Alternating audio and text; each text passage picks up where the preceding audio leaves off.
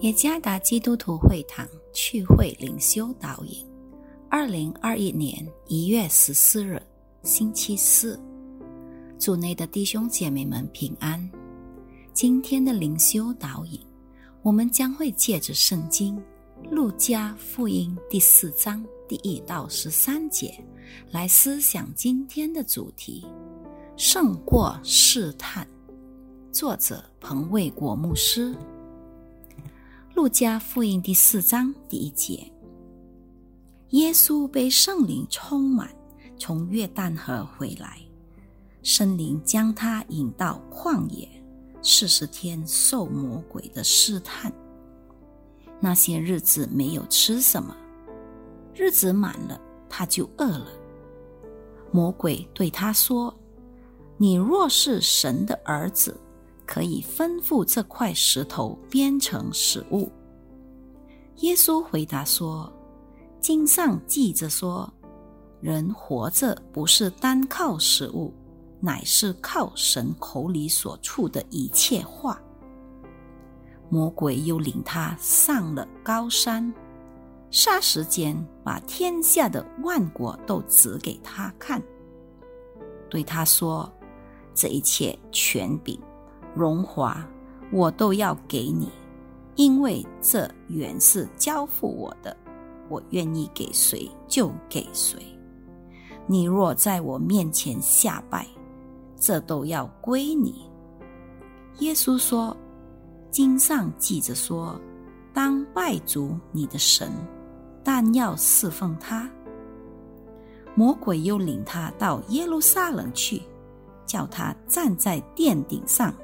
对他说：“你若是神的儿子，可以从这里跳下去，因为经上记着说，主要为你吩咐你的使者保护你，他们要用手托着你，免得你的脚碰在石头上。”耶稣对他说：“经上说，不可试探主你的神。”魔鬼用完了各样的试探，就暂时离开了耶稣。根据四福音——马太、马可、路加、约翰相似记载，谈及主耶稣生平和侍奉的经文中，主耶稣接受洗礼，表明他是顺服神的心意。马太福音第三章十五节。主耶稣由圣灵印证和天父发声宣告，《路加福音》第三章二十二节。然后圣灵将他引到旷野，受魔鬼的试探，《路加福音》第四章第二节。这里试探的目的是什么？从表面上看，主耶稣被试探并不明显有什么理由与目的。然而，我们能够从主耶稣在旷野经历试探中吸取很重要的功课。这个功课就是主耶稣如何胜过了一切试探的秘诀。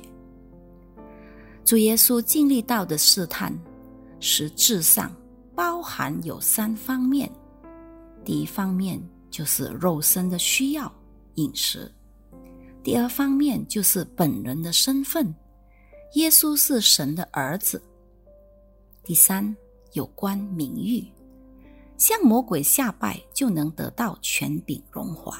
第六节，魔鬼的目的就是要使耶稣活着，只是为了满足自己本身的利益，透过与世俗世妥协而放弃神的话。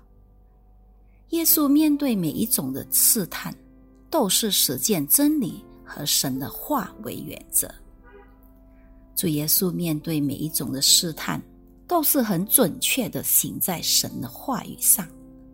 对主耶稣来说，食物固然重要，但是神的话语也很重要。第四节，敬拜神也是我们生命主要的部分。第八节，我们不可向魔鬼下拜，为了要找寻。捷径发财，第六和第七节，我们也不可以试探神，第十一节。因此，主耶稣能够得胜，乃是生命集中在神和他的话语上，并确实的实践出来。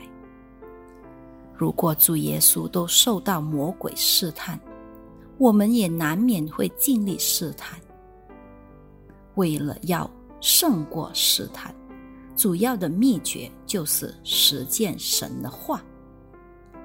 我们不可为了个人的利益而错用神的话。